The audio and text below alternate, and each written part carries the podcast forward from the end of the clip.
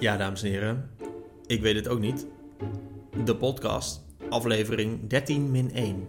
Ja, ik kan dus heel veel in mijn leven, behalve het cijfer 12 uitspreken. Dus ik zeg dus liever geen 12, maar 13 min 1.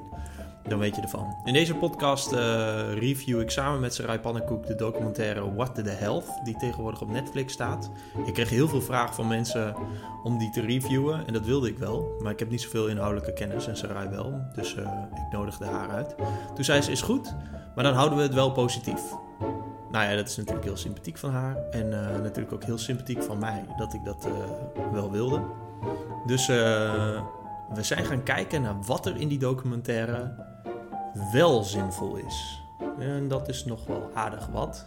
Um, ik probeer hier en daar nog wel een beetje die documentaire af te branden. Want het is gewoon een kut documentaire, laten we het wel wezen. Um, maar ja, dat heeft dus weinig zin, want mensen hebben vooral veel vragen die we proberen te beantwoorden. En Sarai wil graag vanuit haar achtergrond als uh, diëtist mensen praktische adviezen meegeven. Dus uh, die komen op het eind. Uh, ja, de conclusie is eigenlijk uh, meer plantaardig eten is verstandig. En het doel heiligt de middelen. Misschien. het is 25 juli, half 1. Buiten is het 18 graden en uh, het natuurgebied tegenover mijn huis wordt vanaf vandaag gesloopt. Voor allemaal grote flats. Voor mij zit Sarai Pannenkoek. Die hoeft geen introductie, want dan luister je maar naar podcast nummer 7. Sarai, we hebben allebei de documentaire What the Health gezien. Jij hebt hem al gereviewd online. ik kreeg veel vragen van mensen die zeiden, wil je hem ook reviewen? Toen dacht ik, ja dat is wel goed, alleen ik heb er niet heel veel verstand van inhoudelijk, jij wel. En toen zei ik tegen jou, laten we dat samen doen in de podcast. Toen zei je, is goed. Mm-hmm. En we hebben net besloten om het positief in te steken.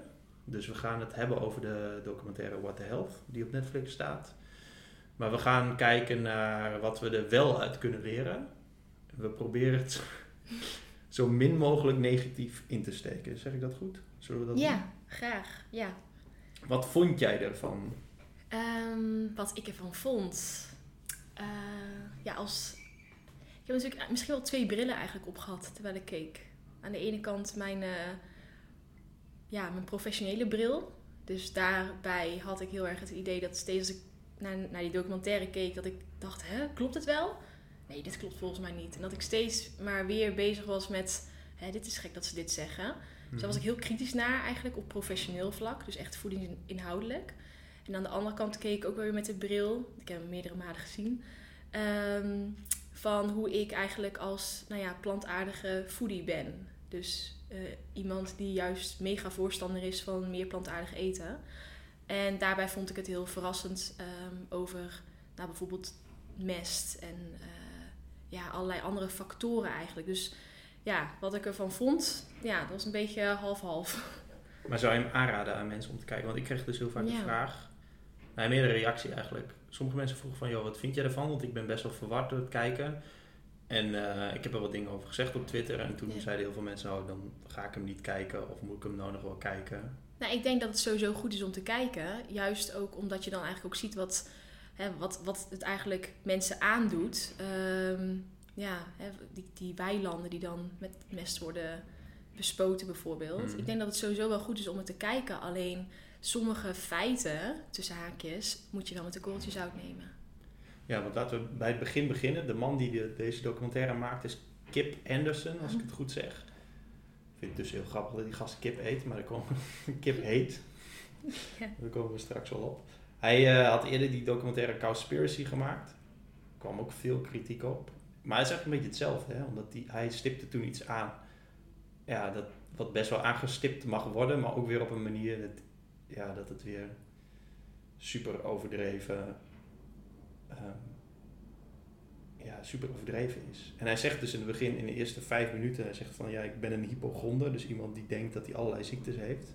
En ik ben daarvan aan het herstellen. Nou, hypochonders zijn mensen die uh, inderdaad, als ze hoofdpijn hebben, dat gaan googlen en dan erachter komen dat ze een of andere enge ziekte hebben. En dan zelf maar de conclusie trekken dat, ze, dat het bijvoorbeeld ligt aan, ja, weet ik veel wat, iets wat ze eten of uh, een zendmast naast een huis of zo.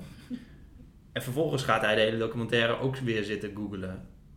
Um, dat, ja, ik vind dat, dat vind ik dus een hele rare insteek. Eigenlijk.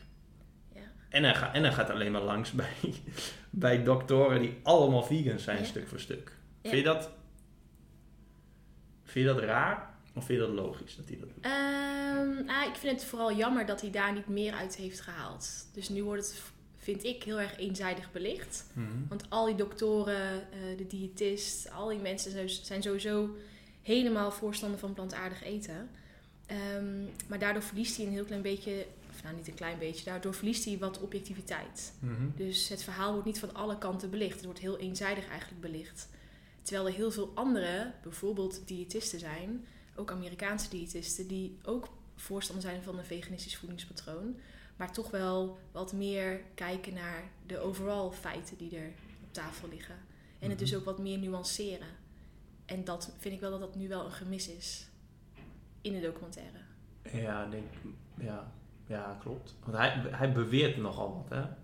Ja. Hij, want een van de vragen was van mensen eh, op Twitter, die zeiden van, oké, maar welke, welke dingen zijn wel waar? Of welke dingen worden beweerd en slaan helemaal nergens op? Want hij Ja. zegt allereerst dat je van vlees kanker krijgt. Ja. Of zegt hij, grote kans. Eh, Hele grote kans. Ja, nou ja, inderdaad, uiteindelijk de, de studies die gedaan zijn naar vlees en kanker, daar worden wel associaties voor gevonden. Mhm. De Gezondheidsraad adviseert niet voor niks sinds eh, eh, de richtlijnen Goede Voeding 2015 zijn uitgekomen om te minderen in rood vlees. Dus maximaal 500 gram. En rood per vlees, voor de week. duidelijkheid, is... Dat kan ook per se doorbakken vlees zijn. Ja. Rood Ja, is vlees, vlees, vlees. van koeien en varkens, toch? Ja, en lam, dus eigenlijk wat, wat als het rauw is, dat moet, dan is het rood. Dus Mhm. rauw vlees, rood vlees. Ja, ja, ja. ik Ehm, wist dat bijvoorbeeld tot eh, twee jaar geleden niet of zo. Oh. Dat, dat rood, ik dacht rood vlees is rauw vlees en daarom Oh, zo. zeggen men, vinden mensen daar iets Ja. over. Ja, nee, dus, ehm, dus de gezondheidsraad die, die, die geeft het ook aan, ook min, zo min mogelijk bewerkt vlees eten. Mhm. Omdat er wel associaties naar gevonden zijn. Ja. Dus dat is wel belangrijk, om dat te minderen. Mhm. Alleen het is niet zo dat het dat veroorzaakt. Zoals in de documentaire wel naar voren laten komen. Ja, en bovendien lijkt mij ehm, verwerkt vlees minder voedzaam dan Ja. niet verwerkt vlees. Is ook, en net is bewerkt vlees. Dus bewerkt vlees, of eh, bewerkt, ja, sorry. Ja. dat is dan vlees, Sausijsjes ja, en voorverpakte gehaktballen en Ja. dat soort... eh, rookvlees. Dus echt vlees dat bewerkt is om te zorgen dat de smaak verandert. Of de kleur of net wat. Ja. Oké, dat vindt hij dus. Ja. Dat is niet helemaal waar, maar er is... Kijk, kun je uitleggen aan de luisteraars waarom je moet oppassen ehm, bij het eh, leggen van verbanden? Dus je zegt er is een associatie, Ja. maar dat betekent verder... Dat betekent misschien wel iets, maar je kunt dat niet zo stellig zeggen. Ja. Kun je dat uitleggen? Eh, ja, je kan het eigenlijk gewoon zo zien. Er wordt dus wel een verband gezien. Dus met mensen die een x aantal gram rood vlees per week eten, vergeleken met mensen die dat niet eten. Er wordt dan een verband gelegd met in dit geval dikke darmkanker. ja. Ehm, dus er is een verband. Alleen dat verband is dus niet kausaal. En met causaliteit bedoelen we echt oorzaak-gevolg. Dus als een, een kausaal verband is, dan betekent het dat rood vlees, dat dat als je dat eet, dan veroorzaakt dat ook die dikke Ja. darmkanker. Maar dit kun je ook heel moeilijk testen, toch? Ja, dat kan eigenlijk alleen maar echt in randomized controlled trials. Dus echt ehm, studies die zo zijn opgezet, waarbij je echt kan zeggen, nou, dat is echt de oorzaak van het Ja. verloop van, nou ja, de uitkomst die je voor ogen had. Ja. Ehm, en wat je nu heel vaak ziet bij dit soort studies, dat waren voornamelijk eh, observationele studies. Dus dan kan je dat causale verband niet aantonen. Dan kan je alleen maar gebruik maken dus van die associaties. Ja, dus dan zeg je, het verschil is dus dat je zegt, ehm, observationeel is, oké, deze groep zijn meer mensen met kanker en eten meer eh, Bijvoorbeeld, ja. bewerkt vlees. Ja, dan ga je echt terugkijken in de tijd van oké, wat hebben die mensen dan gedaan? Mhm. je constateert dat deze mensen, nou, die hebben dikke darmkanker. Nou, wat ga je terug in de tijd kijken? Wat ja, hadden ze dan in hun dieet? Mhm. Nou, en zo kan je dan een associatie vastleggen. Ja, maar er zouden dus ook meer dingen kunnen zijn in Ja. hun milieu of leeftijd. Maar de associatie die is, wel, die is er wel. Dus het is, kijk, daar, daarom hebben ook, eh, ehm, eh, heeft bijvoorbeeld in Nederland de Gezondheidsraad ook echt dat aangepast in de voedingsnorm of in de richtlijnen goede voeding. Mhm. Om echt te zorgen van let wel op met rood vlees of met bewerkt vlees, maximaal 500 gram per week. Mhm. Dus dat kan je dan verdelen over verschillende dagen. Wat ook weer een mooie kans is om wat vaker eh, vegetarische maaltijd op tafel te zetten. Mhm. Is, er, is er ook een associatie tussen vegetariërs en gezondheid? Zijn vegetariërs gemiddeld gezonder? Ja, dat, eh, heel veel studies hebben dat wel aangetoond. En op, opnieuw, dat zijn wel dan ook observationele studies. De meeste. Er zijn wel een aantal case, case studies. Ja, dat is ook wel observationeel. Ehm, maar ze- vegetarische voedingspatronen en zelfs ook wel veganistische voedingspatronen. Mensen die dat hanteren, die, ja, die eten over het algemeen meer groenten, meer fruit, meer pulvruchten, meer noten en zaden. Mhm. En we weten dat die stofjes die in die producten zitten sowieso eh, een positief effect hebben op onze gezondheid. Ja. Het microbioom, dus je darmflora, eh, ja, wordt daar heel gelukkig van. Mhm. Ehm, dus we weten dat mensen die een vegetarisch voedingspatroon hebben, hanteren, die hebben ook een lagere kans op chronische ziekte. Gemiddeld. Gemiddeld, ja. Ja, want, Ja. Dat, want dat hele gemiddelde... Ik heb wat kritiek gelezen Hm. op, de, op die documentaire over Ja. de held. Ehm, en, en veel van die kritieken gingen er natuurlijk over dat er heel erg gegeneraliseerd wordt. Ja. Dus heel veel van die doktoren die aan het woord zijn, of zogenaamde experts, of echt experts, dat kan ik niet beoordelen, die hebben het dus, die, die zeggen, die hebben het heel vaak over algemeenheden. Waarbij als je kijkt, de- waarbij je de hele tijd denkt, oké, dit geldt dus voor iedereen. Maar zo werkt dat Nee. niet, toch? Nee, zeker niet in voedingsland. Voeding is ontzettend individueel. Dus je, ik vind het heel mooi, echt heel mooi dat ze het veganistische voedingspatroon wel aandacht geven. Maar ja, het is heel goed te, te weten dat het niet voor iedereen past en dat het Mhm. niet voor iedereen hoeft. En we weten dat er ook heel veel andere gezonde voedingspatronen zijn. Ja. Dus ja, Ja. er is niet één voedingspatroon voor iedereen. Eh, nee. Nee, op een gegeven moment wordt ook het paleo-dieet nog eventjes... eh, nou, wat, wat wordt erover gezegd? Dat eh, jullie, de mensen die het paleo-dieet doen, die kunnen wachten op volgeslipte aderen en weet ik veel wat. Dat wordt ook nog eventjes gezegd. Ja, ja en- maar ook met het paleo-dieet. Er is ook niet echt één paleo-dieet. Nee. Dus, nee. dus ja, er wordt vaak wel geassocieerd met alleen maar vlees eten. Maar er zijn ook heel veel paleo-diëten die zich juist heel veel focussen op eh groente, fruit ehm, en wat minder vlees. Mhm. Ja. Ja, dat is, dat, ja, ja, dat is wel een goede. Ja. Hey, maar eh, ehm, als jij zo zeg maar die beelden hebt bekeken, wat zouden jouw conclusies zijn zonder, zonder die voice-over van die kip eigenlijk te horen? En wat, Wat voor beelden bedoel je dan? Nou ja, de- ik, ik zat die documentaire te kijken. Toen dacht ik, oké, ehm, wat, een gekke, wat een gekke conclusie legt hij. Eh, hij, hij laat tijd iets zien. Toen dacht ik, oké, interessant. En vervolgens is bijvoorbeeld de conclusie van die, van die eh, eh, gast... Het lijkt wel alsof ze iets voor mij achterhouden. Dat soort dingen. Dan denk ik, oké, Ja. ja, nee, maar je, je stipt wel iets aan. Ja. Of vervolgens, of hij zegt, hij gaat dan die varkensboerderij bekijken en dat is allemaal in een eh, afgelegen gebied. En eh, zij lozen dan eh, die mest in, in, het, in de rivier daar en zo. Dan denk ik, oké, nou, het kan. Maar vervolgens gaat hij direct, echt een paar seconden later, gaat hij een begraafplaats bezoeken met die vrouw die daar woont. Dan denk ik, ja, dat, dat is toch juist, volgens mij moet je dat soort dingen niet doen, want het is super Ja. overdreven. Ja. Maar daarom is mijn vraag dus, oké, we hebben nu al die dingen gezien. Ehm, en natuurlijk is het Amerikaanse dieet gemiddeld iets anders dan wat we hier in Nederland hebben, denk ik. Hmm.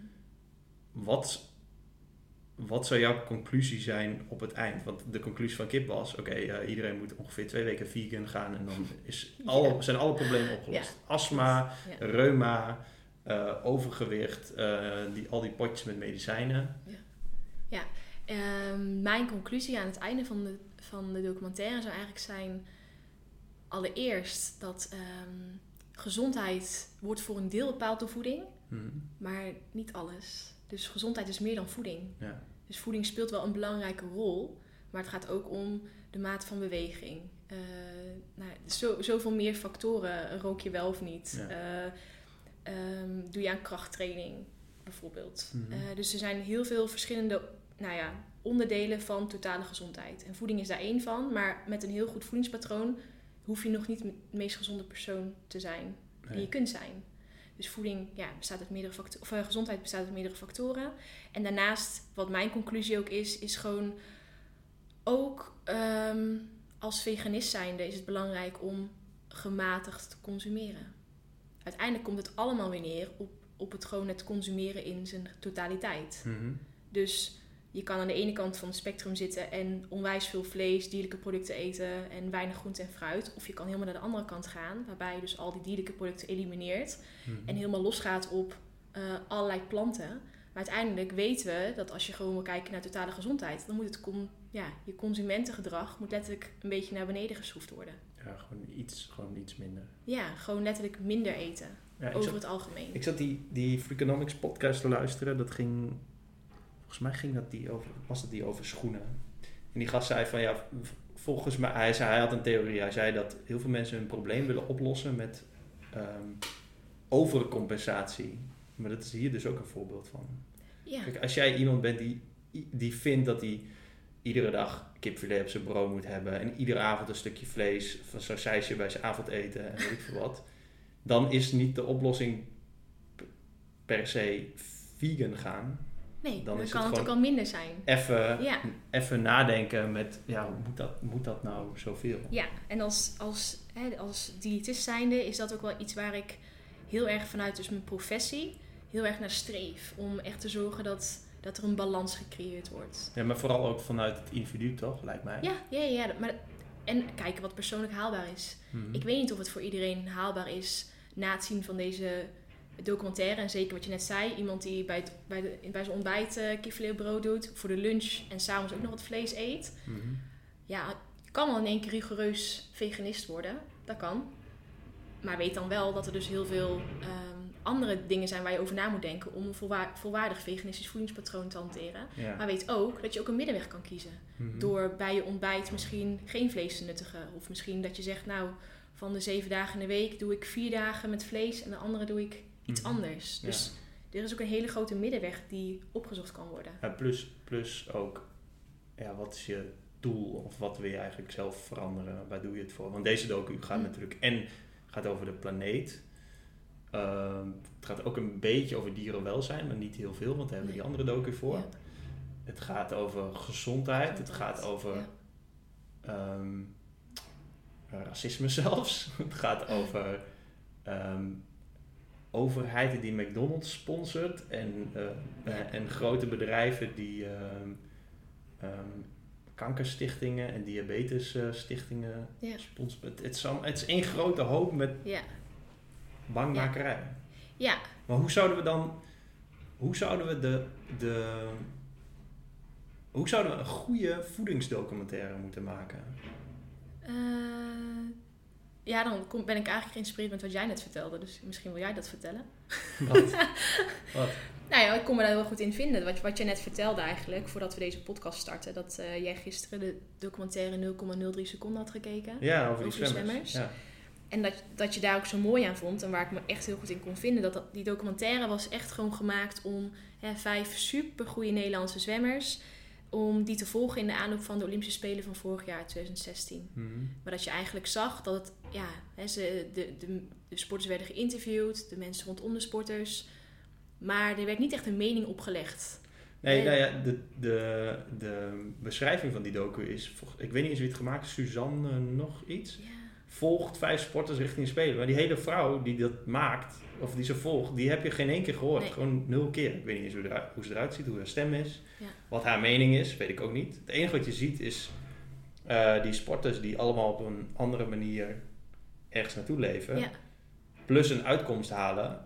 Ja, dan moet je zelf maar verzinnen of je überhaupt topsport, wat je daarvan vindt. Wat je van alle, alle methoden vindt. Of je vindt of ze, of ze het zelf moeten weten of niet. Ja, Ja. dat zou toch... ja, dat zou inspirerender zijn, zodat mensen thuis, als je zo'n documentaire kijkt, zelf die mening kan vormen. Wat ga je er dan mee doen? Ja, laat gewoon zien hoe het... Oh, laat gewoon zo goed mogelijk zien hoe dat praktisch in zijn werk gaat. En wat, wat mensen hun struggles zijn. En wat ze wel fijn vinden en wat niet. En waarom. Ja, dat, ik denk als je een voedingsdocumentaire wil maken, dan zou.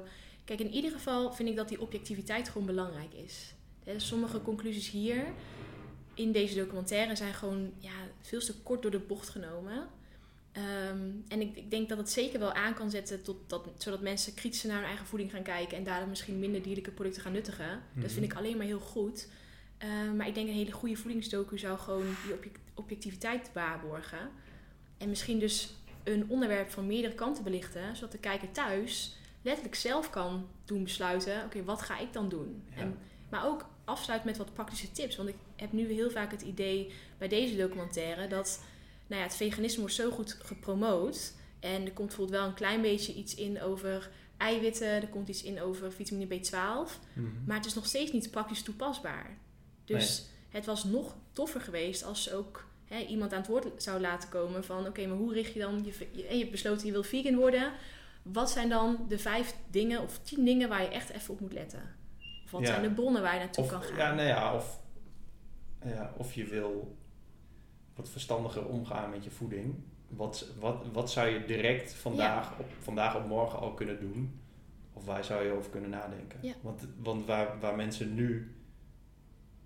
de- deze docu komt in je Netflix-scherm en je gaat hem kijken of een, een vriend of vriendin zegt van... joh, je moet deze echt zien. En dan wat, wat blijft is dat je denkt, oké, eh, vlees is dus slecht voor je. Je staat binnenkort sta te barbecuen. Dan denk je, nou, doe mij die kip maar niet, want ik heb net allemaal rare beelden gezien. Ehm, alles wordt vergeleken met de tabaksindustrie. Dus Ja. eigenlijk is alles evil. Van de overheid tot consumentenorganisaties tot eh, gewoon grote bedrijven. Ehm, ja, en de, en de voorzichtige conclusie is, ja, je moet eh, vegan gaan. Want dan is opeens ook de hele omgeving en al je kleren zijn allemaal kleurrijker opeens. Dat, Ja. ja, die man toch. Ja. En ja, die vrouw trouwens ook, die weer Oh ja, kon lopen. Ja. Ja, er zit nog een stap tussen. En ik denk dus gewoon ook die praktische relevantie. Dus inderdaad, wat zijn de stappen ehm, om bewustere keuzes te maken? Om je uit te dagen, om kritisch naar je voedingspatroon te kijken. Zodat je, of je nou wat minder vlees gaat eten, of inderdaad wel vlees helemaal verband, of net wat. Maar wat zijn nou verantwoorde stappen die je dan kan nemen om nou ja, uiteindelijk te zorgen dat je eigen gezondheid niet op het spel komt te staan? Ja. Want dat zou zonde zijn. Maar wat ik wel heel mooi vind, en dat wil ik nog wel benadrukken, is... Kijk, deze documentaire... En daar geloof ik ook wel in hoor. Dat soms moet je ook heel drastisch en rigoureus zijn... wil je mensen wakker schudden. Ja. Dus het mooie vind ik wel... En ik vind het ook mooi dat we deze podcast natuurlijk doen... eh, die documentaire blijft wel weer terugkomen. En ik zie in mijn eigen omgeving dat mensen die deze documentaire hebben gekeken... ze zijn wel om. Als in, ik ga iets minder vlees eten. Of Mhm. ik ga wat minder kwark eten en minder melk drinken. Ehm, en dat vind ik een mooie stap in de goede richting. Niet- Waarom vind, je dat, wat, waarom vind jij dat ja, mooi? waarom ik dat mooi vind. En dat is dus niet eens zozeer alleen op de gezondheid gericht. Want nogmaals, gezondheid bestaat uit meerdere componenten. Dus voeding is daar een onderdeel van. En ik denk als je dus vegetarisch gaat eten of veganistisch gaat eten, dan moet je wel even goed kijken naar de inhoud van je voeding. Om te zorgen dat je uiteindelijk op de lange termijn ook nog de profijten ervan hebt. Ik kan er daar ook wel tips over geven. Eh, maar wat ik vooral heel mooi vind, kijk, we weten gewoon dat de hele, ehm, ja, hoe zeg je dat, eh, de industrie hè, van, van alle dieren en, en ja, ik vind ethiek heel belangrijk. Dus Mhm. als je ziet hoe, was laatst was er een documentaire Facing Animals op NPO nog wat is. Super mooie 30 minuten do- durende documentaire over hoe het, ja, hoe eigenlijk de dieren vaak worden behandeld Mhm. totdat ze worden geslacht. Dus ik vind het heel mooi als mensen nou ja, daar wat bewustere keuzes in gaan maken. Maar wat ik eigenlijk wil zeggen is dat we dus, ehm, we moeten om die klimaatverandering wat in te perken, weten we dat we wat moeten doen aan ons algeheel, algehele consumentengedrag. Mhm. Dus we moeten met z'n allen minder consumeren. En ja, we weten ook gewoon dat een groot deel van alle uitstoot wordt veroorzaakt door koeien. eh, nou ja, eigenlijk heel die vleesindustrie, Mhm. die zuivelindustrie. Er gaat superveel water eh, naar om te zorgen dat we vlees kunnen eten of melk kunnen drinken, kwark kunnen eten.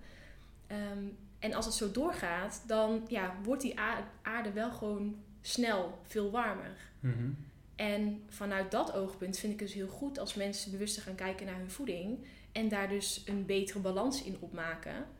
Zodat we dus uiteindelijk, kijk, uite- uiteindelijk, zolang wij nog vragen, nou niet wij, maar ik bedoel, zolang mensen nog vragen naar dierlijke producten, zal ook gewoon, nou ja, het aanbod daar blijven. Ja. Maar als we zorgen dat die vraag wat verminderd wordt, dan hopelijk zal het aanbod ook verminderd worden. Waardoor we dus ook wat beter met onze aarde om kunnen gaan. Dus ik het land wat we hebben om te Ja. verbouwen. Ja, oké. Dus in Dus- de eerste plaats vind jij Ik vind klimaat... consuminderen vind jij het bela- Ja, belangrijkst? consuminderen. Ja, consuminderen vind ik het belangrijkst. Waarbij je gewoon rekening houdt met het hele ecosysteem. Want het ecosysteem... Kijk, ja, ik denk dat ik dat het meest fascinerende vind. En natuurlijk vanuit mijn professie is dat ook waar ik me op kan richten. Mhm. Op blijvende gedragsverandering bij mijn sporters. Door Mhm. een betere balans te creëren in hun voedingspatroon. Eh, maar uiteindelijk gaat het dus om het ecosysteem. Want we weten dat het ecosysteem nu... Ja, het houdt zich nog wel in stand, maar niet voor heel lang. Ja, de, de, de aarde warmt zich op. En nou, dat zei ik misschien vorige keer ook. Het is niet alleen maar zo'n ijsbeer die op zo'n eh ijsschot staat en dat het allemaal smelt. We weten dat zowel... ehm, ik zit even naar jouw landkaart te kijken. Maar in de Amazone, de jungle, de regenwouden... dat die platgekapt worden. Zodat er meer sojabonen daar verwerkt kunnen worden. Voor koeien Mhm. om te eten. Eh, maar aan de andere kant ook hè, onder de zee het koraal, wat natuurlijk naar de knoppen gaat vanwege die hele verwarming van de zee. Ja. En ja, daarin zit gewoon een soort van momentum dat wanneer het, we zo blijven doorgaan, dat het op een gegeven moment een tipping point is en dat het systeem, dus de aarde in zijn geheel, het gaat overnemen. En dan, ja, dan weet je niet wat er gaat gebeuren. Nee. Kijk, nu hebben we nog zoveel buffers als mensen op de aarde zijn. Ehm, maar een van de onderdelen waar we ons echt actief mee bezig kunnen houden is dus onze voeding. Consuminderen, maar zeker ook minder dierlijk. Ja. Waarbij dan ook meteen, hè, mensen die minder dierlijk eten, eten dus uiteindelijk hopelijk meer plantaardig. Ja. Ehm, hè, maar meer groente, meer fruit, meer noten, zaden, peulvruchten is altijd goed voor je gezondheid. Ja. Het kost minder water om het te verwerken. Dus het is een soort van win-win. ja, precies. Dus eigenlijk, dus eigenlijk ben je voorstander van de meest efficiënte methode van consumeren. En dat is gewoon minder consumeren. Ja, dat maar dan in, in de breedste zin van het woord. Ja, oké, maar jij hebt zoiets van, oké, als we dan, als je je focust op minder eh, consumeren, Ja. dan sla je dus drie vliegen in één klap. Of Ja. meerdere zelfs. En dan hetgeen wat je consumeert met, met goede kwaliteit. Ja. Maar goede kwaliteit, wat, wat- hoe kun je dat definiëren? Ja, ehm, bij- nou bijvoorbeeld als je kijkt naar vlees of naar dierlijke producten, dat die nou ja, of biologisch of ehm, ehm, biodynamisch eigenlijk tot stand zijn gekomen. Dus dat, dat houdt eigenlijk in dat het product binnen het ecosysteem wordt opgevoed en uiteindelijk nou ja, wordt geslacht. Maar dat het wel onderdeel is van dat betreffende ecosysteem. Ja. Dus dat is eigenlijk ja, systemisch denken. En wat nu heel vaak is, is gewoon... Ja, we gaan eh, zoveel kippen eh, even snel eh, tot plofkippen maken. Dan maken we ze af en dat serveren we onder de kiloknallers bijvoorbeeld. Dus, dus biologisch dynamisch is een koe die in, in een van de natuur, natuurgebied graast, niet wordt bijgevoerd en er gebeurt niet zoveel mee totdat die geslacht wordt. Dat ja, is zou kunnen. Ja, in tegenstelling tot een koe die in een stal staat alleen maar Ja. voer en, en Ja. water krijgt. ja, want dat is dus een, een... Die laatste koe, die staat daar maar te staan. Maar die is niet onderdeel van het hele systeem. Omdat Mhm. hij dus binnen staat en Ja. ja. ja, niet echt eh, ja, in een systeem circuleert. Alleen, hij, is, hij is daar alleen maar eigenlijk om uiteindelijk geslacht te kunnen worden, zodat hij gegeten kan worden. Ja. Dus, ehm, dus ik denk dat daar, kijk, als we daar met z'n allen wat bewuster van worden, en dat begint wel echt met zo'n documentaire. We worden wel bewuster van ons voedingspatroon. En misschien niet jij en ik, omdat we dat al redelijk zijn. Maar heel veel andere mensen zien dit en die denken: oh wow, ik wist niet dat het zo'n impact zou hebben. Laat ik wat minder vlees gaan eten. Nee, nee wat, wat ik bijvoorbeeld wel heb, is dat als hij die eh varkensstallen laat zien, ja, hij laat niet van die enge, enge beelden zien, van die schokkende beelden. Maar het is wel weer, als je iedere keer die informatie krijgt van hoeveel varkens er zijn ten opzichte van mensen bijvoorbeeld, hoeveel zij uitstoten en, en wat, hoe zot dat eigenlijk is, Ja. dat die allemaal in eh, stallen staan, gewoon te wachten tot wij ze opeten, ja, dat is best wel vreemd. Dus hoe vaker ik het zie, Kijk, ik eet al een tijdje geen varkensvlees. Ehm, omdat ik het voor varkens wel echt zielig vind. Ja, Ehm, maar het is wel iedere keer weer een besef van... Oké, ja, dit is, best wel, dit is best wel vreemd. Ja. Dus ehm, om een vraag op, op Twitter erbij te pakken. Het doel heiligt de middelen. Is het iemand vroeg van, is deze documentaire, hoe slecht die misschien ook is in, in allerlei opzichten. Ehm, is, het, is het zo dat het doel, dus eh, meer plantaardig eten en meer zorg dragen voor de, Wereld. voor de wereld. Ehm, als dat het doel is, mag je dan zo'n documentaire laten zien? Of, of moeten we... Ja. Ehm, dat is een vraag aan mij.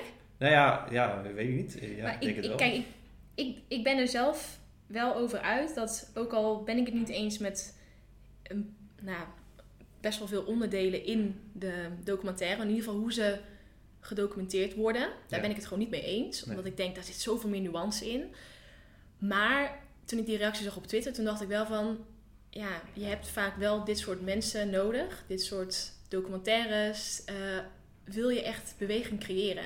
En zolang er beweging wordt gecreëerd in het hoofd of Mhm. in de acties die mensen doen, ja, dan kan ik niet alleen, niet, dan kan ik eigenlijk alleen maar zeggen dat ik dat wel heel erg goed vind. Maar ik ben, ja, ik, ik weet niet, misschien overnuanceer ik graag. Ik, ik vind het gewoon fijner om wat meer duidelijkheid daarover te geven en dat het niet allemaal zo zwart-wit is. Maar, denk, denk je niet dat er dan een tegenbeweging ontstaat? Nee, Van mensen die denken, jezus, wat een onzin, eh, doe even normaal of zo? nee, dat, ja, het zou kunnen. Je hebt toch een hele grote groep, eh, ik hoop niet dat ik iemand tegen de borst stuit, AD-lezers, SBSS-kijkers, PVV-stemmers, Ja. die eh, zoiets hebben van, doe we normaal. Ja. Ik wil gewoon, ik wil net zoals vroeger, gewoon Ja. mijn hele leven hetzelfde doen. Klopt, ja. Dus dat is, het is vaak wat moeilijker inderdaad om, eh, ja, een beetje generaliserend, maar het is wel een uitdaging om dat soort mensen te bereiken. Ja. Maar als we een ander groot gedeelte, dus niet dat soort mensen, maar andere mensen wel al een beetje wakker kunnen schudden, dat is alleen maar goed. Ja. En ik denk daarmee wel, kijk, we moeten, het is niet meer een, een optie, we moeten met onze voeding bewustere keuzes gaan maken. Met ons consumentgedrag, daar moeten we mee aan de slag. Dat, weet je wat, is niet meer echt een keuze van, ja, dat doen we over 10 jaar wel of over 20 jaar. Gaat het al de goede kant op?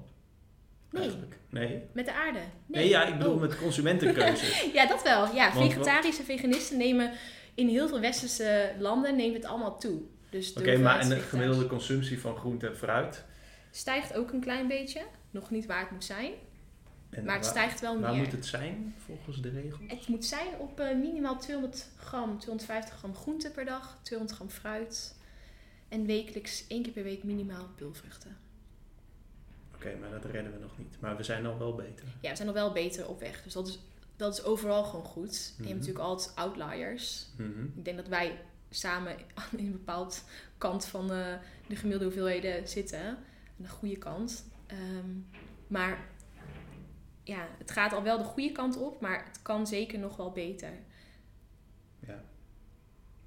En dat is dus niet alleen maar voor de wereld goed, maar ook dus goed voor je gezondheid in het algemeen. Oké. Ehm, weet je wat ik nog wel wil doen? Wat wil je doen? Ik heb notities gemaakt bij die documentaire. En we, hadden, we hebben afgesproken niet te gaan bashen. Maar ik weet wel dat er... Er zijn best wel wat uitspraken gedaan in die documentaire... die we misschien kunnen nuanceren zonder het te bashen. Ja. We- Moet is het misschien goed, misschien dat mensen dat dan willen horen? Zal ik dan eerst even nog wat positieve punten opnoemen van de documentaire? Dat als ja, mensen dat dat- is ook goed. want dat maar misschien, ja, misschien kan dat hand in hand. Maar dat, Oh, oké. Nee, ja, bijvoorbeeld. ehm, ehm, Oké. Ja. Er is een shot dat een ei wordt vergeleken met, vergeleken met vijf sigaretten. Waar, waar komt dat vandaan? Eh, dat, ja, dat weet ik niet. Ik weet niet of het op cholesterol is geduid. Dat weet ik niet. En kun je er iets over zeggen, over cholesterol? Ja. Want ik, ik heb dat dus... Ik snap dat nooit, cholesterol. Cholesterol. Nou, je hebt die, eh, eh, cholesterol zit in, in dierlijke producten. Ja? Het is gewoon een stofje. Ehm, en vroeger werd altijd gedacht, en vroeger bedoel ik eigenlijk nou, tientallen jaar geleden, dat cholesterol uit de voeding, dat dat heel erg bijdraagt aan cholesterolgehalte in je lichaam. Dus in je lichaam Mhm. heb je ook cholesterol zitten. Ja. Ehm, en ehm, een hoog cholesterolgehalte verhoogt het ri- risico op hart- en vaatziekten. Want je aderen slip, Ja, slibben dicht. ja, Kunnen dicht Kunnen, ja. ja. Oké. En dat is vooral, je hebt HDL, cholesterol en LDL. LDL is het slechte cholesterol, HDL het goede. Mhm. En het gaat erom dat HDL altijd hoger moet zijn. Of ja, hoger dan LDL. Ja. Eh, maar vroeger werd er altijd gedacht dat als je een ei at, dat omdat daar cholesterol in zit, in het geel van het ei, dat het meteen effect had op je slechte cholesterolgehalte in je lichaam, je LDL. Maar we weten inmiddels dat dat niet zo is. Dat cholesterol, hè, die verhouding tussen HDL en LDL, dat die vooral wordt bepaald door je levensstijl. Ja. Beweeg je voldoende, eet je voldoende groente en fruit, eet je gezonde vetten. En dat je daarmee eigenlijk je hele cholesterolgehalte in je lichaam kan bepalen. Dus ik weet eigenlijk niet zozeer of dat ei en die sigaretten. Ik denk dat het over cholesterol gaat, ik weet eigenlijk niet. Is een ei een goed, eh, goede bron van nutriënten? Hm, ja, het is, wel, het is wel een goede bron. Ja, er zit, zit hoogwaardig eiwit in. Eh, Oké. Eh, eh, oh ja, ik heb zelf nog. Ik, ik heb eh, met die docu's. Ik kijk er best wel veel. Het is heel erg Amerikaans ge- gefocust. Ja. Op het. eh, ze noemen het dan een westers dieet. Ja. Is dat te vergelijken? Ik het stipt het net al aan, een soort van aanname. Maar is het te vergelijken met wat wij gemiddeld hier in Nederland eten? Of is er echt een heel groot verschil? Ja, dat is wel, het, is, het is wel een heel groot verschil. Oké. Amerikaans dieet is ook wel heel erg gericht op veel meer fastfood, veel meer ehm, ja, super hoog in verzadigde vetten, maar vooral eigenlijk heel ja, nutriëntenarm. Dus, Ja. dus weinig vezels, weinig vitamines en mineralen. In Nederland doen we het eigenlijk nog best wel goed ten opzichte van Amerika. Maar je ziet nu wel steeds vaker dat we wel neigen naar kant-en-klaar pakjes en ja, toch wel gemaksvoedsel. Mhm. Maar het is nog langer niet, na niet zo erg als in Amerika. Oké. Ook wel goed om in het achterhoofd te houden. Ja, nou ja, je kan niet helemaal generaliseren dat wat in Amerika gebeurt, ehm, dat is gewoon niet, niet zozeer te vergelijken met Nederlandse standaarden. Hebben wij eh, last van eh, consumentenorganisaties die worden gesponsord door grote bedrijven en onderzoeken die worden. Is dat, is Ja, dat het is wel- ernstig? Kun je daar. Ja, het is namelijk wel zo. Hè, die- ja, zoveel grote bedrijven sponsoren, of sponsoren ehm, instanties of sponsoren onderzoeken die dan gedaan kunnen worden. De vraag is ja, of het erg is, dat weet ik niet zo goed. Soms kan het wel erg zijn, omdat het dan een vertekend beeld kan geven van de werkelijkheid. Ja, maar is het zo dat.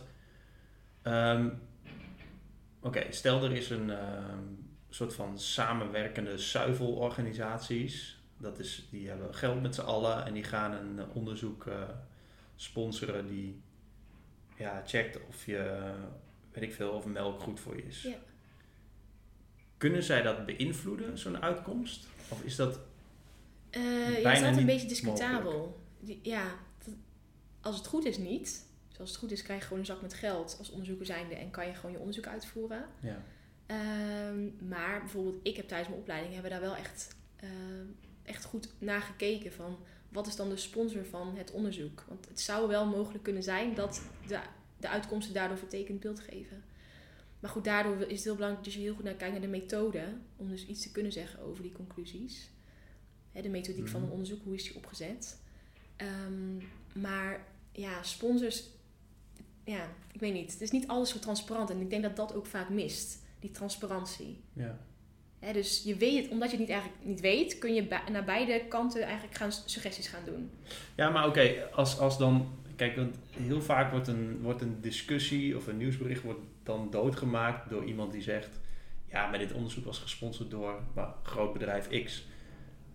Is dat, is dat dan standaard iets om... eh, is dat onderzoek dan direct in twijfel te trekken? Of kun je dat niet zo Eh, zeggen? Nee, en wat voor soort niet. andere onderzoeken zijn er? Van mensen die geld krijgen van de universiteit? Of, Ja, bijvoorbeeld of andere zelf. grote subsidies. Ja, of andere grote subsidies die gewoon door eh, eh, verschillende ministeries worden uitgekeerd. ja. Daar moet je ook een aanvraag voor doen. Ik denk dat het. Ik zou mijn vraagteken zetten dat stel dat een hele grote zuiverorganisatie een onderzoek sponsort. En de uitkomsten van het onderzoek zijn in, ehm, in het belang van die zuiverorganisatie. Mhm. Dan zou ik wel even nog beter naar de onderzoeksopzet kijken en al het andere. Maar dat is meer gewoon omdat ik dat dan even ja, goed wil beoordelen of dat het wel effect heeft gehad of niet, of invloed heeft gehad. Maar goed, weet je, zonder die grote sponsoren kunnen, ehm, nou ja, je hebt, om het zo te zeggen, soms heb je gewoon zulke grote sponsoren nodig voor het geld. Mhm. Om dus of onderzoek uit te kunnen voeren of eh, om, ehm, nou ja, überhaupt te kunnen bestaan als een organisatie. Dus het hoeft niet altijd meteen slecht te zijn. Maar ja, omdat die transparantie mist, weet je dus niet per se van, oké, maar wat gaat er dan eigenlijk om in zo'n organisatie met dat geld, weet Ja. je wel? Ja. En ik denk dat, dat we daarvoor naar moeten streven, naar die transparantie. Maar dat duurt denk ik nog wel even. Ja, en, ja nou, als, je, als je net aangeeft dat veel onderzoek niet gedaan kan worden zonder die sponsoren, ja, dan. Nou, niet per se niet veel, maar ja, soms is het wel gewoon handig als je een sponsor hebt. Ja. En ehm, nou, hetzelfde is ook bij be- bepaalde verenigingen in Nederland. Zou je ook, ja, die hebben ook sponsoren vanuit de industrie. Mhm. En de, omdat er geen transparantie is, weet je dus niet per se van, ja, eh, wat wordt er dan mee gedaan? Mhm. Maar ja, aan de andere kant, die leveren wel weer veel, veel geld, waardoor zo'n vereniging of net wat wel ehm, bepaalde dingen, taken kan uitvoeren. Ja. Oké, dus het blijft lastig. Ja. Dus wel waakzaam zijn, maar niet direct het kind met het badwater weg. Ja. Ehm, kun je verslaafd raken aan kaas? Werd ook gezegd in die docu. Oh jee. Iets met caseïl, morfine, wat naar receptoren van heroïne gaat. Ja, ik, vind, ik word dat zo moe van, van die vergelijkingen met drugs en Ja. tabak. Ik, ik word daar ook altijd heel erg moe van. Ik weet niet of je letterlijk verslaafd kan raken aan kaas. Volgens mij is verslaafd zijn is wel een heel groot... is, is wel een bepaalde categorie. Eh, en verslaafd zijn aan kaas is misschien wel een hele grote stap. Eh, misschien kan je wel gewoon wennen aan de smaak... waardoor je denkt dat je het nodig hebt... om die smaak weer te kunnen herbeleven. Ja, of het is een eh, gewoonte Maar- dat je Ja, dan is het vaak gewoonte. Ja, dat is hetzelfde met zo'n suikerverslaving. Ja, Dat is dan niet een verslaving, maar dat, het heet anders. ja. Ehm, even kijken of ik nog meer notities heb.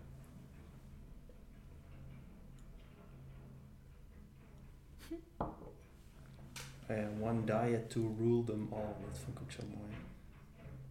Oh ja, Rich Roll. Ja, dat is, Rich Roll. daar ben een fan van. Dat zei je de vorige keer. Dus ik ben een podcast van hem geluisterd. Oh ja, ja. Die komt ook nog even langs Ja, in die docu. Wat vond je Ja. daarvan?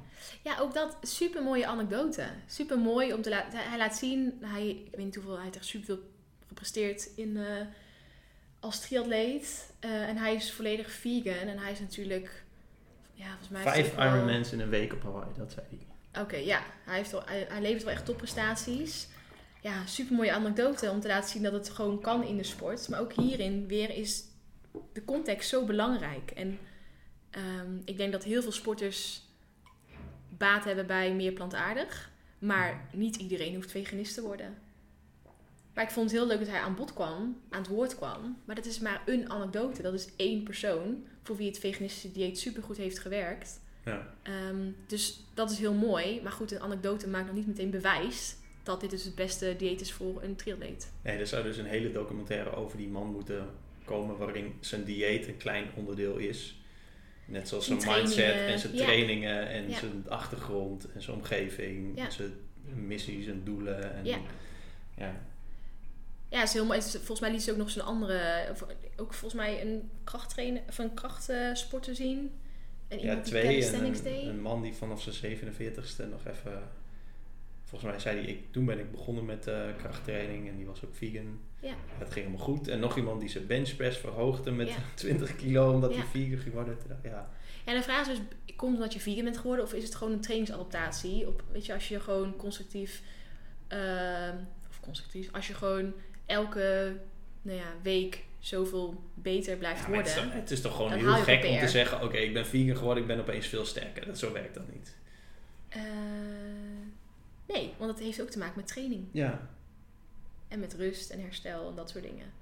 Maar het kan wel, ja, dus het is niet per se dat het aan vegan ligt. Mhm. Maar, nou ja, als je gewoon een goede energiebalans hebt en je krijgt voldoende essentiële aminozuren binnen en al het andere, ja, dan kan het echt wel bijdragen aan je prestatie. Maar dat zou je ook kunnen doen als je een balans hebt gevonden tussen veganistisch eten en eh, Ja. nou ja, heel veel dierlijk. Eh, Oké. Ik bedenk opeens dat, ik, dat, we, dat er, er is wel een goede voedingsdocu.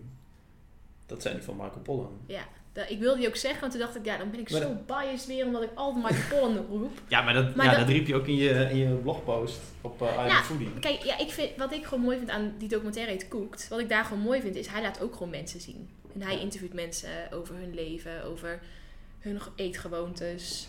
Kijk, en dat vind ik mooi, want dan kan je zelf dus daar zelf een mening over Ja, vormen. want van- eh, het, het staat niet in de categorie gezondheidsdocumentaires. Nee? Volgens, ik weet niet of het een categorie heeft eigenlijk. Hij laat het gewoon zien en je gaat Hmm. erover nadenken. Oké, maar wat, wat ja, betekent eten dan voor deze mensen aan de hand van deze vier elementen? ja, ja, ik vind dat een goede documentaire, omdat hij gewoon heel, ja, soort van simpel, maar daardoor juist heel krachtig wordt weergegeven. Mhm. Zonder dat ze iets opdringen. Want ook hij laat nog steeds zien dat je ook eh, vlees kan eten. Ja, die gast met die intense grote barbecue. Ja, Ja. ja. Nee, ja, maar zijn conclusie, en dat is ook de conclusie van jullie blogpost. Wat is het ook weer? Eten niet te veel, vooral plantaardig. Dat is toch... ja. Eat food, not too much, mostly plants.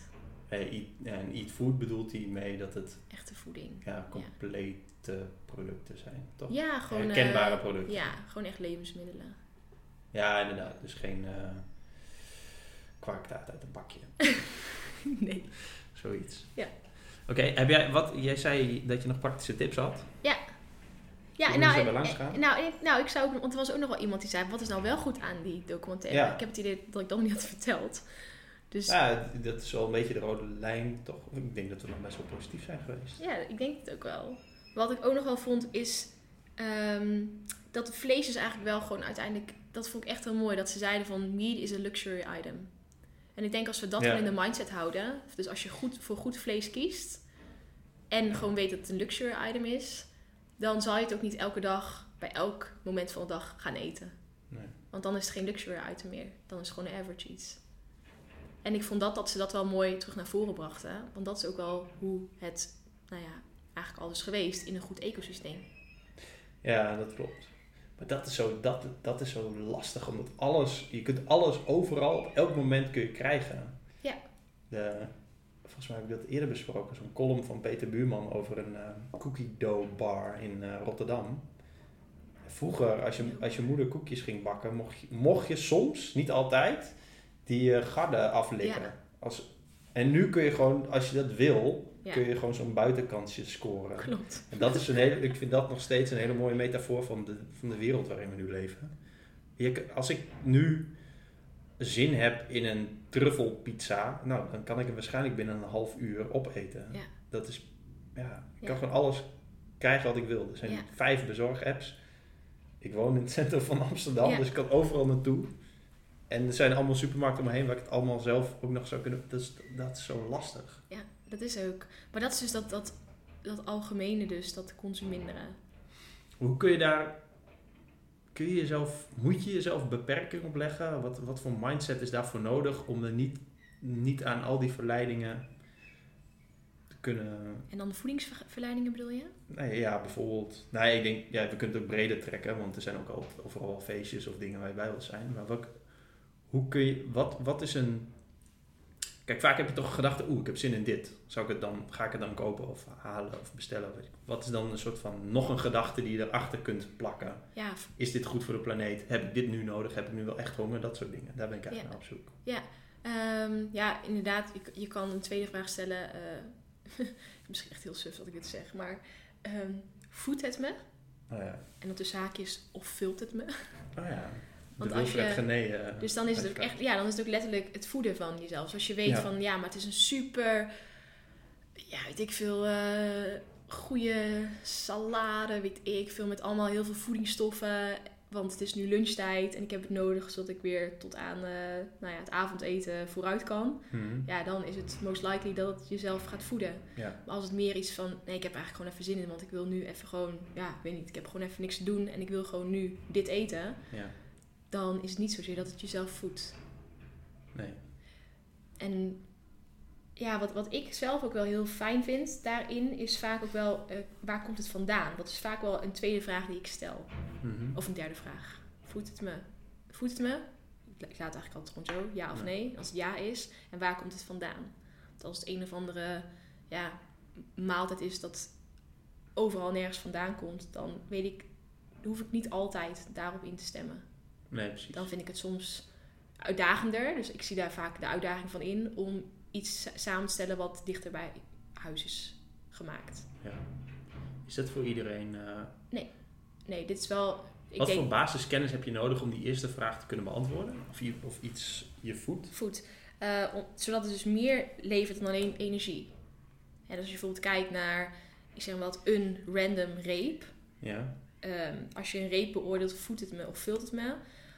Als het meer levert dan alleen maar eiwitten, koolhydraten of vetten, dus ook vezels, en dan bedoel ik niet eh, van die toegevoegde vezels in zo'n eiwitreep, dat zijn niet echte vezels, Ehm, maar vezels, vitamines, mineralen, als die er ook nog in zitten, dus echte micronutriënten, dan is het wel een mooi product. Ja. En dan zal het je ook wel voeden. Want dan haal je er meer uit dan alleen maar die energie. Dan haalt je lichaam er meer, ja, meer Ja. stofjes uit. Eh, en als het dan niet is... Ja, ik weet niet. Ik vind die vraag altijd wel gewoon een goede. Ik werk ook zo met mijn sporters.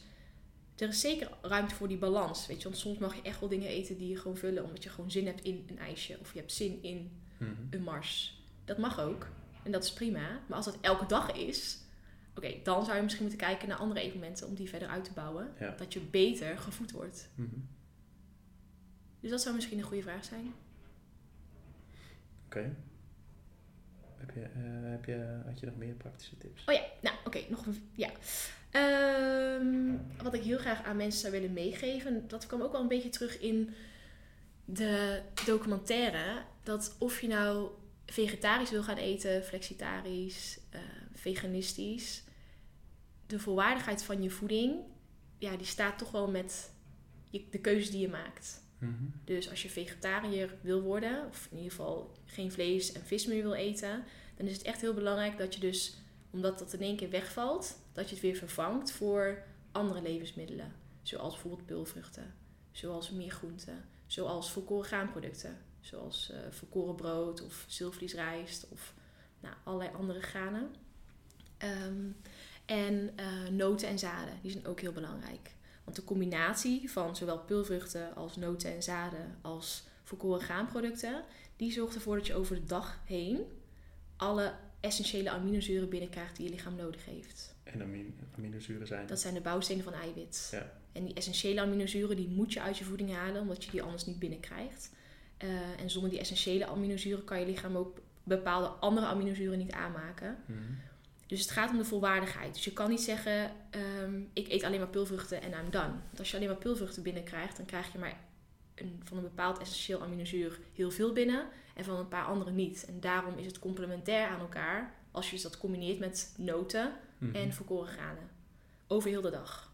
In- en, en dat ten opzichte van dat je bijvoorbeeld biefstuk eet. Ja, Want dat is... Dat is compleet. Ja, die heeft het eh, complete aminozuurgehalte.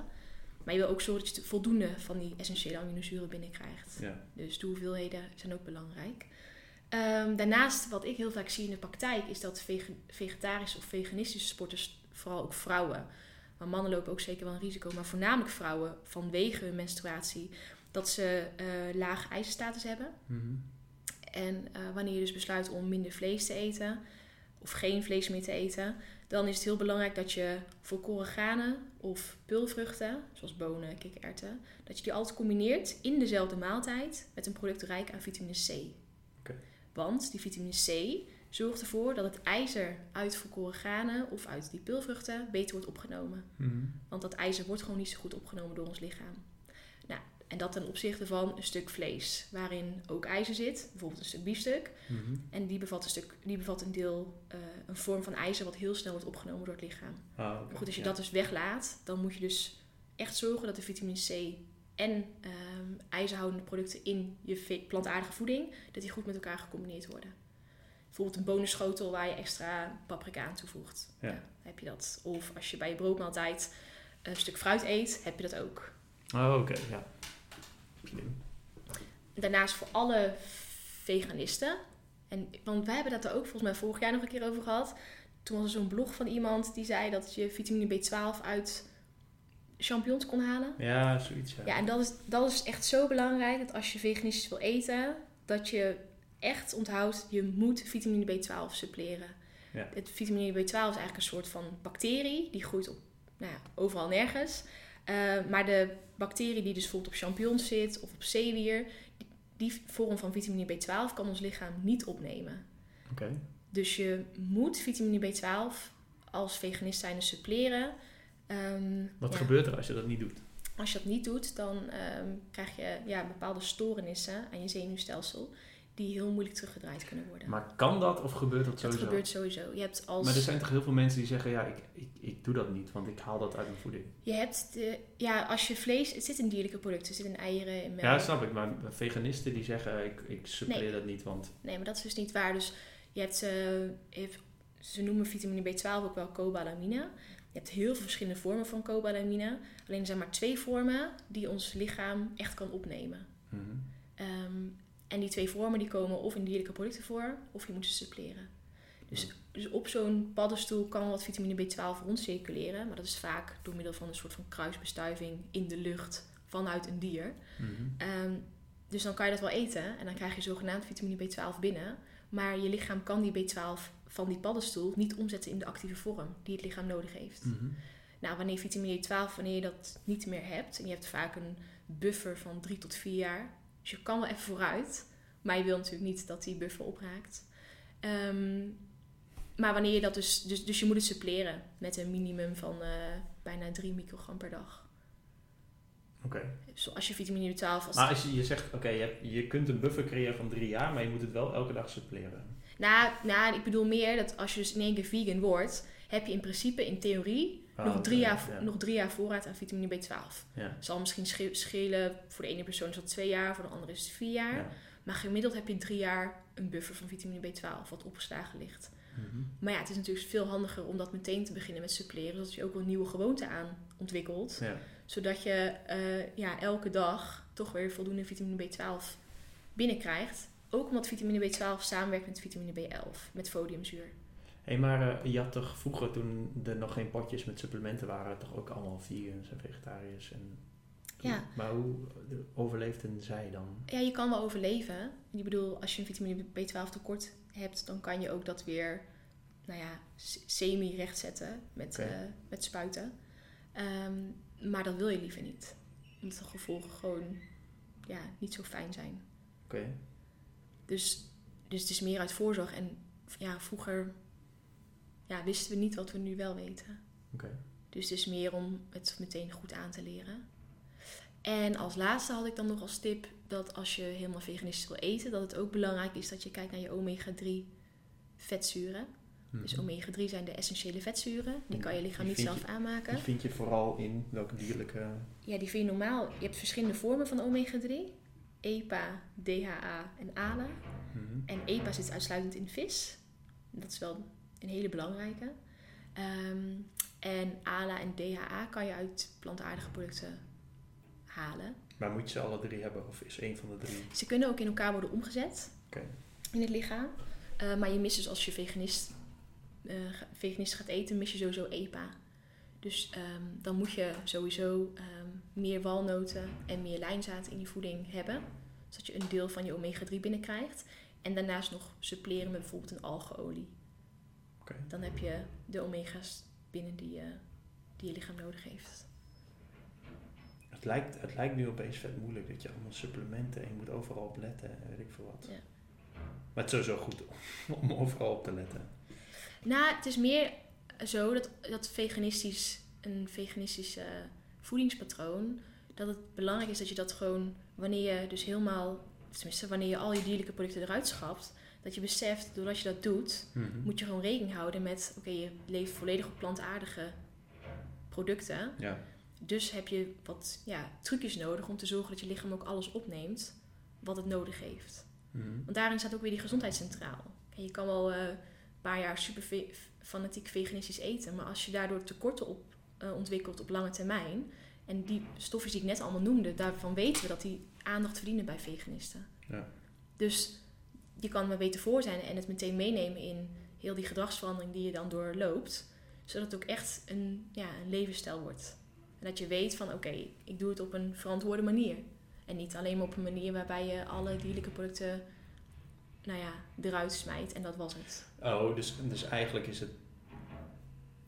Je kunt niet zomaar stoppen met vlees eten. Ja, jawel, het kan wel. Maar op lange termijn Nee, maar handig. kijk, omdat we nu... Ja, we, nog even het linkje naar de documentaire die we hebben gekeken. Ja, Daarin wordt te weinig uitgelegd wat, er dan, wat dan de volgende stap is. Ja. Eigenlijk stopt die de docu te vroeg. Ja. Nou ja, eigenlijk had hij al met 20 minuten moeten stoppen. Maar... oh nee, ik zou, het, ik zou het netjes houden. Nee, maar er mist nog een praktische vertaling. ja dat. Ja, dat, ik vind, als diëtist zijnde vind ik dat heel belangrijk. Dat mensen ook echt in de praktijk daarmee aan de slag kunnen gaan. Ja, en ik vind het als eh, kritische consument heel belangrijk dat mensen de juiste denkwijze hebben. En Ja. dat mis ik dus. Wat is dan de juiste denkwijze voor jou? Volgens Nee, ik vind het. ehm, hij kaart dingen aan. Nou, pff, ik moet iets positiefs zeggen. Hij, ja, op een eh, hij kaart interessante dingen aan. Zoals. ehm, wat voor troep we eigenlijk gewoon vreten met z'n allen. Mhm. En hoe we, eh, waar ik het net over had, die varkensboerderij, die, ja, natuurlijk is die weggestopt ergens op, op een plek waar niemand woont, omdat het daar stinkt. Maar ja, het, het betekent wel weer dat we eigenlijk nooit meer zien ehm, wat daar gebeurt. We komen niet langs of zo. Nee. Dus, en als we dat zouden weten, of heel vaak zouden zien, wat er gebeurt op ehm, veehouderijen, denk ik wel dat dat zou helpen om minder vlees te eten. Dat is ook zo. Omdat het ook. Het is, alleen, het is eigenlijk alleen maar goed. Het is niet. ehm, het is niet zonde of zo. Die transparantie bedoel je? Nee, het is niet zonde om minder vlees te eten. Nee. Er is geen goed argument voor. ehm, eh, er is geen goed argument te geven, behalve dat het lekker is Ja. eh, om het te blijven doen. En een gewoonte. Ehm, ja, maar ja, dat is. Ik vind dat iemand een eh, stuk vlees lekker vindt, dat hij daarvan geniet, vind ik een goed argument. En een gewoonte vind ik vrijwel nooit een goed Nee, argument Nee, eigenlijk. dat is ook zo. Ja. En wat, we hebben het net al gehad over voedingsstoffen. Ehm, ik vind het wel een argument om vlees te blijven eten, omdat je niet, geen zin hebt om die supplementen, dat gedoe allemaal te doen. Maar dat is nog steeds geen argument om zoveel vlees te eten als we nu gemiddeld. Nee. Maar dat is ook zo. Ik denk, daarin is dus die balans heel mooi. Ja. Waar ik heel erg voor pleit. Ehm, kijk, de, de, de enige reden waarom ik die, die punten aangaf... is als je volledig veganistisch wil eten. Dat je Ja, weet, ja, daar is, moet je is dus geen nog... aanval op jou. Nee, nee, oh nee, nee, dat weet ik. nee, maar meer dat, van daar moet je eens over nadenken. Maar als je minder vlees zou eten... dan krijg je ook voldoende ijzer binnen. Ja, Dus het kan ook gewoon minder en kwalitatief hoger. ja. Ehm, en ik denk, ja, dat was ook wel een beetje wat mij heel erg stoorde. Ik had die, die review geschreven en daar heb ik zoveel kritiek op gehad. Van? Ja, van diehard vegans. Dat ik eh, nu zou pleiten voor eh, meer vlees eten en dat soort dingen. Terwijl, A, dat is nooit mijn intentie. En B, juist hè, die mensen die jij net opnoemde, een beetje in zo'n categorie. ehm, nou ja, die mensen moeten we bereiken. En dat door heel drastisch te zijn, ik weet niet of dat gaat werken. Soms werkt het juist om aan te geven wat de mogelijkheden zijn en de uitdagingen daarin. Ehm, bijvoorbeeld Meatless Monday of dat soort dingen. Om Ja. daarin meer te challengen. Zodat ze uiteindelijk ook gewoon vooral gewoon inzien dat je, ook, dat je vooral niet elke dag vlees nodig hebt. Ik denk als we die gewoonte al kunnen doorbreken, waar mensen nog steeds kunnen genieten van hun lekkere stukje vlees, Ja. maar niet meer elke dag, dan komen we al heel, een heel eind. Mhm.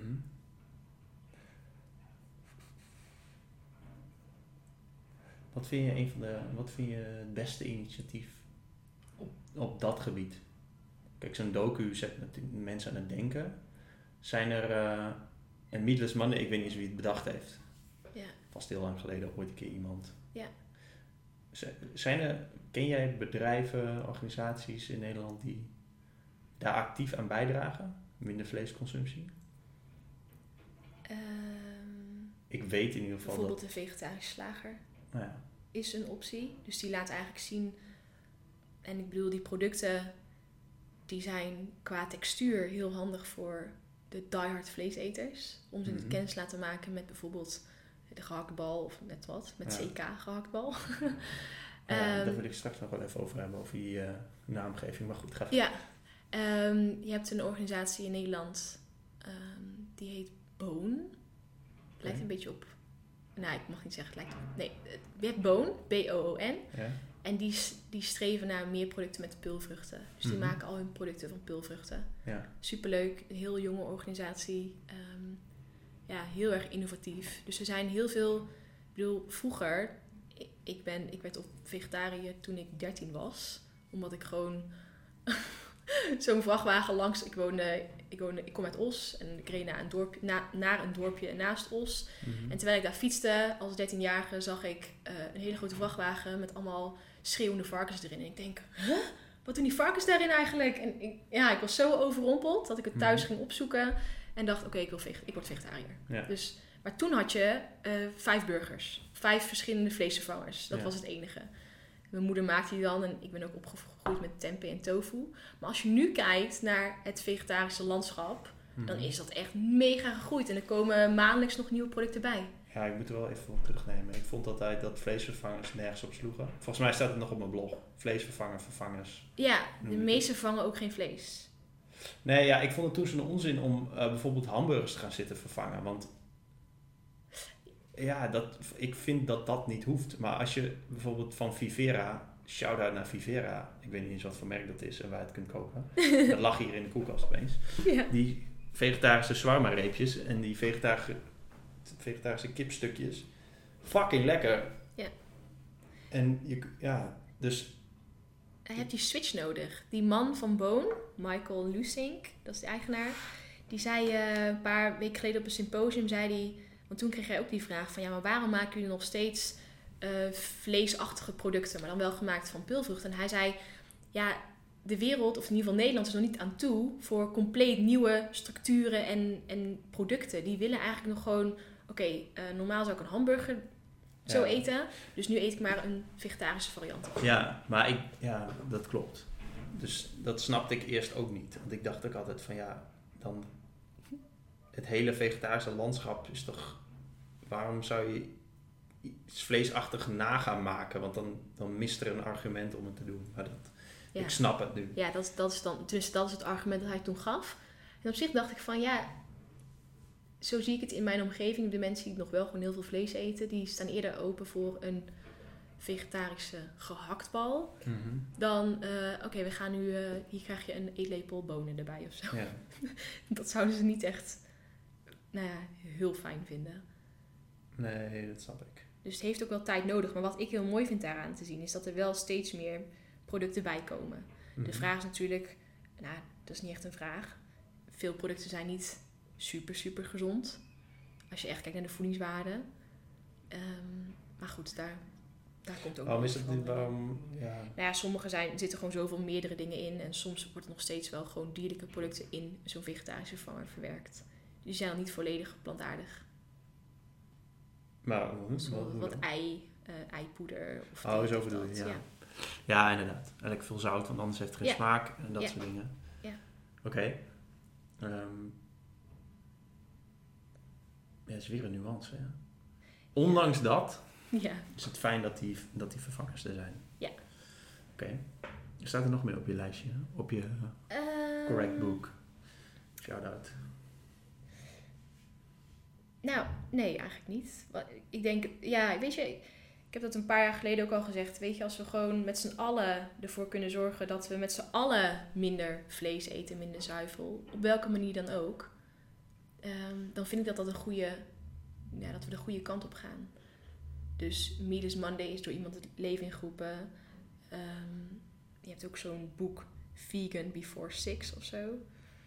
Ehm, Ah. Er zijn best wel veel, ik bedoel, de vegetarische kookboeken, die reizen ook de Ja, ik ga nog steeds een, eh, een kookboek maken. Een vegetarisch kookboek waarin Ja. niet staat dat het vegetarisch is. Dat Oh, ga ik nog steeds doen. Ja. Oh shit, nu heb ik het.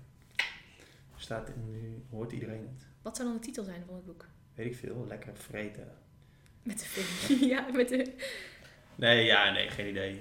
Weet ik veel. Ja, Oké. kan voor alles zijn. Ik bedoel, ik, ik vind ja.